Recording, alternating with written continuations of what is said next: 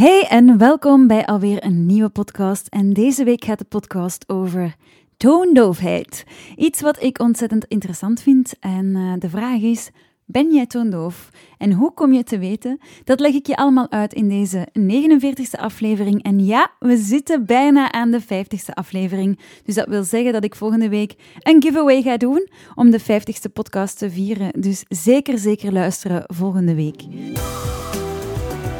Welkom bij de Sing en Zang Podcast. Een podcast waar je alles leert over correct zingen, tips krijgt en een juiste mindset leert hebben. Ik ben Laura Goesteneke, jouw host, en welkom bij mijn podcast.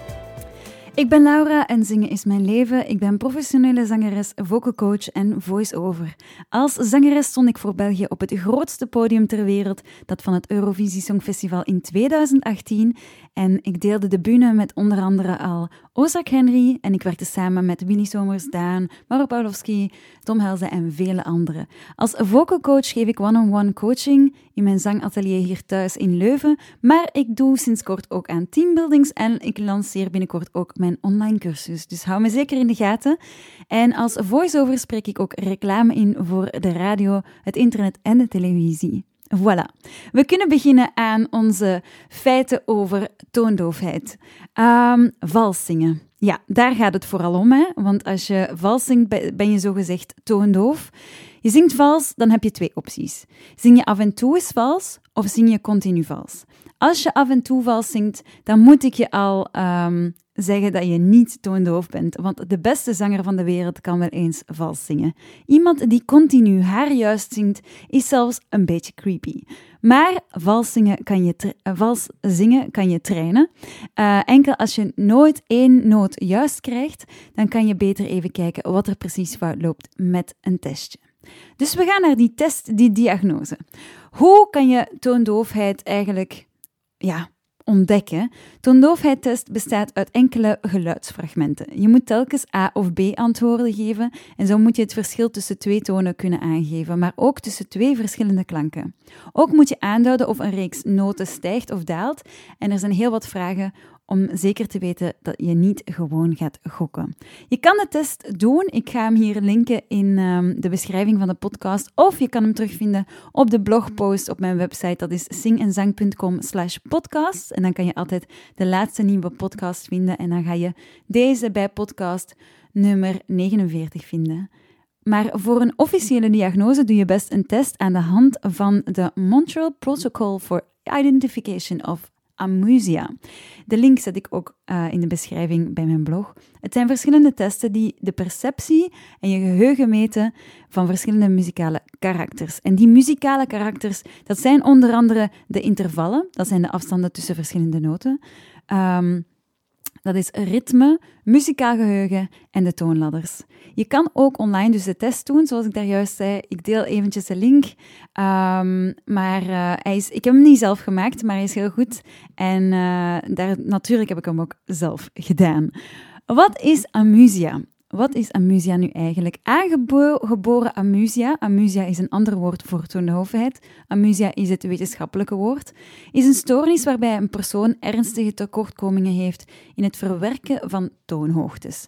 De persoon heeft dus uh, een, stoornis op, een stoornis beter op vlak van muzikaal geheugen, de herkenning van muziek en het meezingen of nazingen van muziek. Ook kan de persoon die de aandoening heeft niet de maat van de muziek meetikken.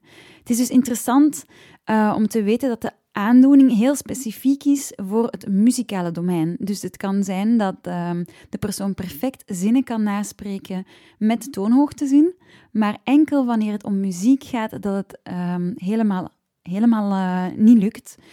Um, daarnaast heb je ook nog acquired amusia. En dat is dus verkregen toondoofheid. En die toondoofheid is veroorzaakt door hersenschade. Dat kan ook gebeuren. Maar ik ga ervan uit dat, jullie, dat jij geen hersenschade hebt. Um, de gewone amusia, dus de aangeboren am amusia, de gewone, de aangeboren amusia, die komt voor bij ongeveer 4% van de bevolking. Um, volgens een studie, en die zal ik ook in de blogpost delen. En ook vrouwen hebben ietsjes meer kans uh, op toonhoofdheid dan mannen. Is toondoofheid te behandelen? Dat is uh, helaas niet het geval. Er is geen specifieke behandeling voor toondoofheid, maar je kan wel psychologische hulp gaan zoeken. Moest je last hebben van jouw toondoofheid of je omgeving.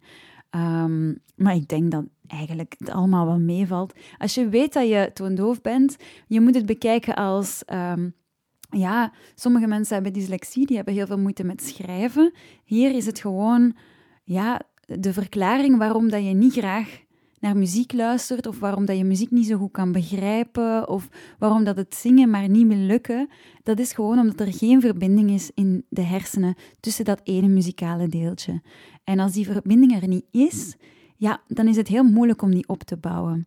Maar als die verbinding er wel is, ook al is die heel, heel zwak, dat is goed nieuws. Want dan ben jij de ongetrainde zanger. Ja, het is, dan ben je niet toondoof en die kunnen we natuurlijk, de ongetrainde zanger, die kunnen we natuurlijk leren zingen. Het is moeilijk om van nul naar iets te gaan, hè, wat dat we dan hebben bij die toondove persoon.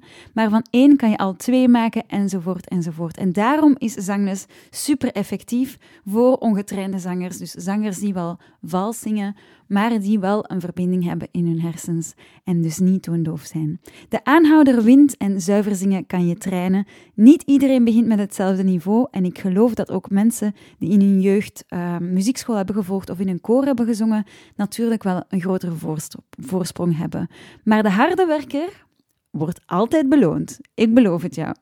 Heb je dus zin gekregen om te zingen, kriebelt het in de keel, maar niet op die vervelende manier. Je kan altijd een afspraak boeken in mijn zangatelier. Mijn zatatelier, nee, nee, nee. Mijn zangatelier in Leuven, vlak aan het station. Dat kan via www.zingenzang.com. Hier kan je ook een gratis intakegesprek vragen van 15 minuten. Dit is online via Zoom en dan kan je zien of zangles iets voor jou is en of ik de geschikte coach voor jou ben. Volgende week is het dus de vijftigste aflevering. Ik ben ontzettend blij. Ik vind het super spannend. Ik heb al van alles voorbereid, maar ik mag nog niet te veel zeggen. Um, een kleine reminder daarom om volgende week zeker te luisteren, want ik doe een giveaway voor de vijftigste podcast te vieren. Um, dus zeker, zeker, zeker, zeker luisteren. Uh, ik beloof het je, het is een heel mooie giveaway. Um, dus het is spannend. Het zal zelfs een wedstrijd zijn, die giveaway. Vandaar. Um, dus bedankt voor het luisteren deze week. En tot volgende week, want dan is het de 50ste podcast. Ciao!